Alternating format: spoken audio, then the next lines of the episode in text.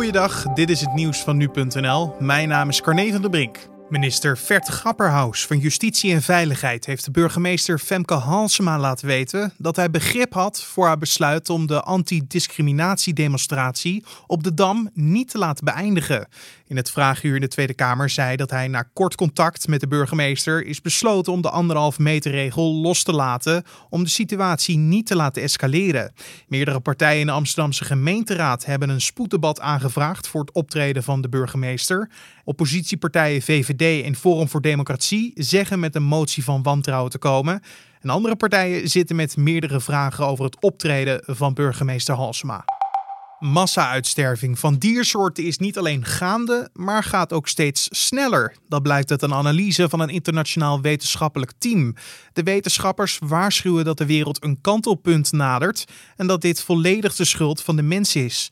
In een eeuwtijd zijn duizenden diersoorten verdwenen en het tempo van de uitsterving is verhoogd vanwege de groeiende bevolkingsaantallen en consumptie. Meer dan 500 soorten landdieren zullen binnen 20 jaar uitsterven. Ter vergelijking, hetzelfde aantal diersoorten stierf tijdens de vorige eeuw uit. Zonder vernietiging van de natuur door de mens zou het duizenden jaren duren voordat er zoveel soorten verdwijnen. De drukte in het openbaar vervoer is beheersbaar, mits thuiswerken en afstandsonderwijs de norm blijven. Dat melden planbureaus in een adviesrapport aan het kabinet. Desondanks kunnen thuiswerkers en leerlingen worden toegestaan om één dag in de week naar kantoor of school te komen, aangezien de risico's dan beperkt blijven. Volledig van het huiswerken is volgens de planbureaus niet wenselijk. Dat kan leiden tot grote sociaal-economische verschillen in de samenleving, terwijl het thuisblijven ook van invloed zal zijn op de kwaliteit van onderwijs en uiteindelijk de economie.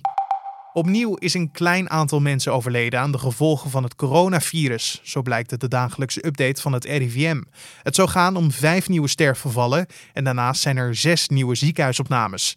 Bijna 47.000 mensen zijn positief getest op het coronavirus.